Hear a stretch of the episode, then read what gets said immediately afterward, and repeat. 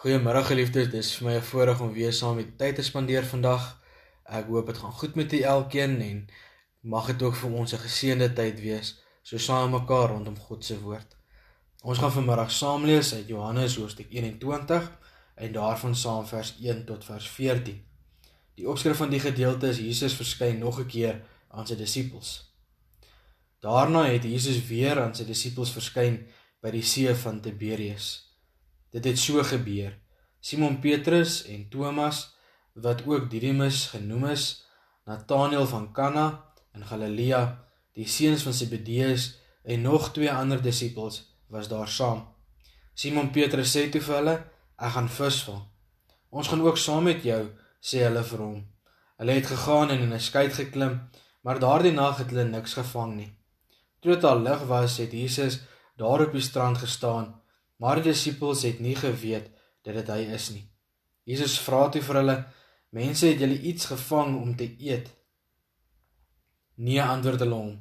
Hy sê toe vir hulle: "Gooi die net aan die regterkant van die skei uit, dan sal julle iets kry."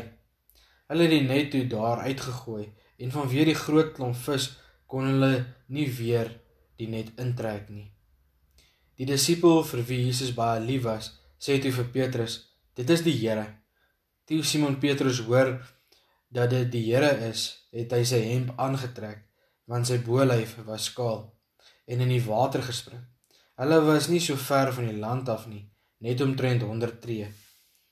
Die ander disippels het met die skytjie gekom en die net met die visse gesleep. Toe hulle aan land kom, sien hulle 'n vuur brand en 'n stuk vis daarop lê. Daar was brood ook. Jesus sê toe vir hulle: bring van die vis wat julle nou net gevang het. Simon Petrus het toe die skei geklim en die net van die land en die net op die land getrek. Dit was vol groot visse, 153. En alhoewel daar so baie was, het die net nie geskeur nie. Toe sê Jesus vir hulle kom eet. Nie een van die disippels het so ver gekom om vir hom te vra wie is u nie. Hulle het geweet dat dit die Here is. Jesus kom toe, neem die brood en gee dit vir hulle. En net so ook die vis. Dit was al die derde keer dat Jesus aan sy disippels verskyn het nadat hy die dood opgestaan het. Ons gaan vanmiddag so ver lees uit die woord van die Here.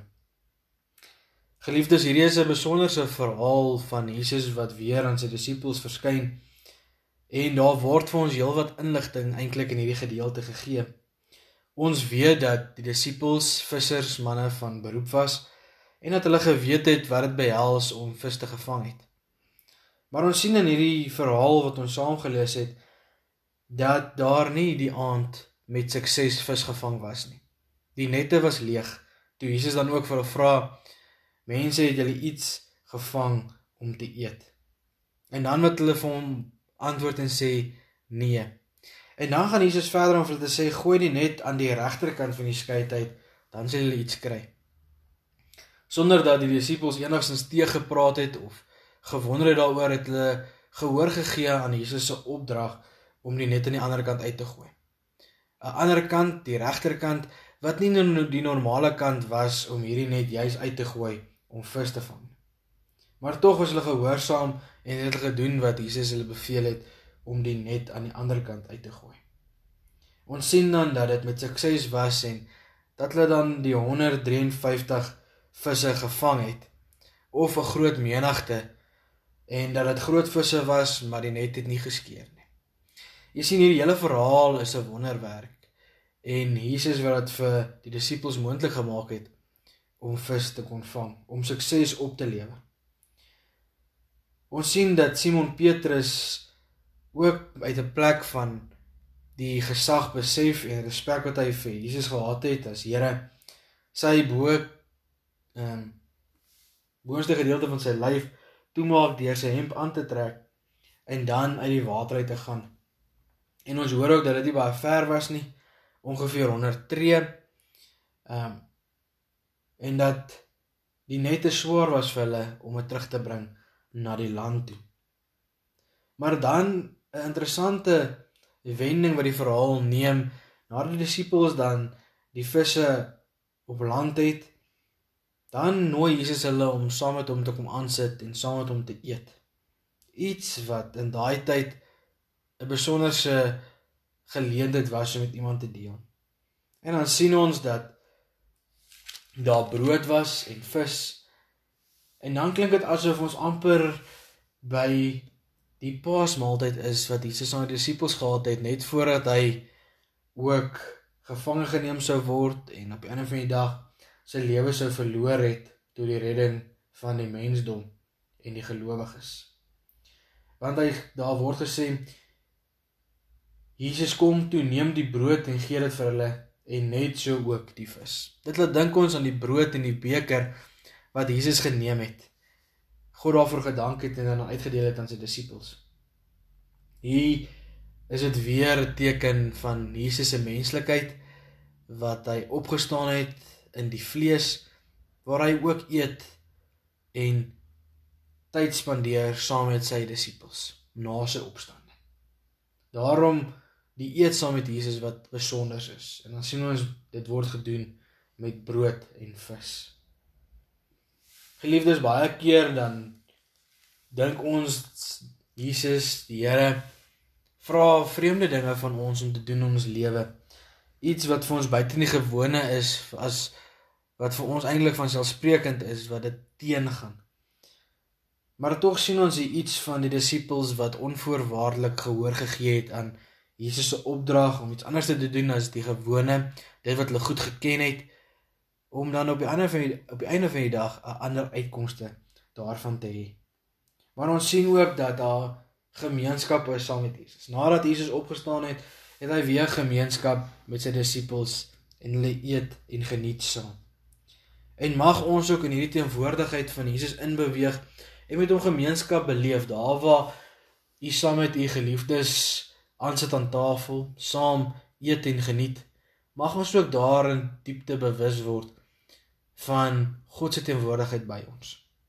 En mag ons met die wete gaan leef vandag om te sê dat die gewone, die normale nie altyd dit is waaraan ons moet vashou nie, maar partykeer moet gehoor gee aan dit wat die Here vir ons wys ons anders te moet doen sodat daar 'n ander uitkomste kan wees. Dalk een wat ons nie sou verwag het nie maar dat ons sal vertrou dat die Here deur sy almag, deur sy seën, deur sy sorg vir ons ook 'n wonderwerk laat plaasvind. Maar dat ons hierdie kenmerk van gehoorsaamheid op ons lewe sal hê. Mag hierdie gedeelte ons kom uitdaag, maar by ons wees ook elke dag in ons verhouding met die Here. En mag ons ingestel wees op sy leiding, op sy sorg en op sy stem en rigting vir ons lewe. Kom ons bid saam.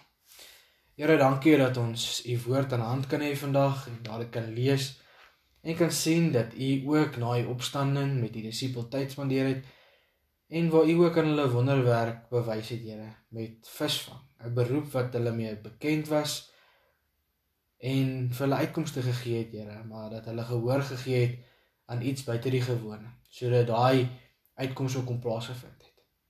Here, kom skep ook daai gees in ons, daai geloof en vertroue in ons dat ons gehoor sal gee aan u stem in ons lewe en dat ons daarop gehoorsaam sal antwoord sodat die gewenste uitkomste dalk dit buite ons verwagting mag plaasvind binne u wil.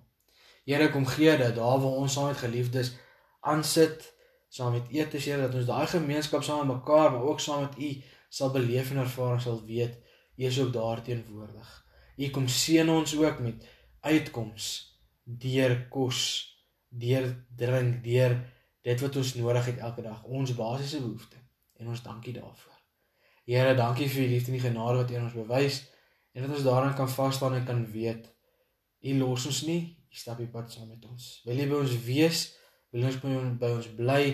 En ons kom veilig hou ook in hierdie tyd, Here, waar ons deur sosiale afstand weg is van mekaar of Here vra ons kom bind ons saam in u gees dat ons steeds die gemeenskap die eenheid in u mag beleef en ervaar kom wees by ons Here en kom gee dat ons bewus sal wees van u grootheid u almag en u teenwoordigheid in ons lewe elke dag aan u alleen die lof en eer vir alles in ons lewe mag u wil geskied Amen. Geliefdes, 'n geseënde dag vir u en die geliefdes bly veilig.